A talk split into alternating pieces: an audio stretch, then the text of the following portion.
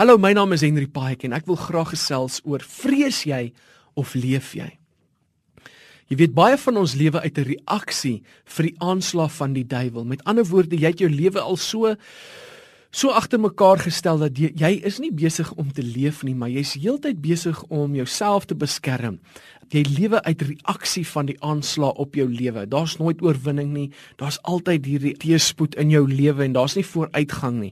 Nou Jesus demonstreer nie daardie leefstyl aan ons nie. Jesus demonstreer terwyl hy op aarde geloop het, hy leef uit verhouding met God uit. sien dit waarvan jy meer bewus is, sal bepaal waarin jy geloof het of waarin jy ongelowig is. Ons sal baie keer ongelowig optree want die aanslag op ons lewens is groter as die teenwoordigheid van die Heilige Gees. 2 Korintiërs 3 vers 17 sê: Die Here beteken hier die Gees en waar die Gees van die Here is, daar is vryheid.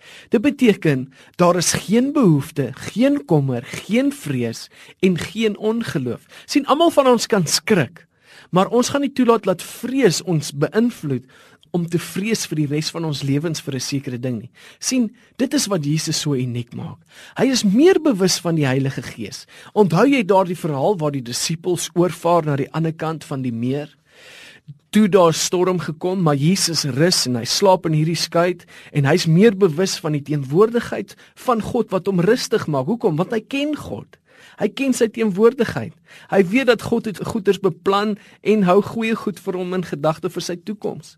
Maar die disippels aan die ander kant vrees vir hulle lewens. Nou, die disippels was vissermanne.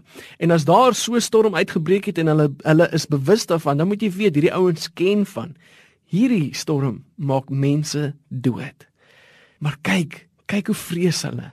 Hulle is meer bewus van die vreesomstandighede as hulle wat hulle is oor die God wat getrou is. Verander jou denke. Kyk anders na jou God, jou verlosser, Jesus Christus en wat hy vir hom beteken. En dalk sal jy die vrede van God ervaar in jou lewe. Want waar die gees van die Here is, daar is vryheid.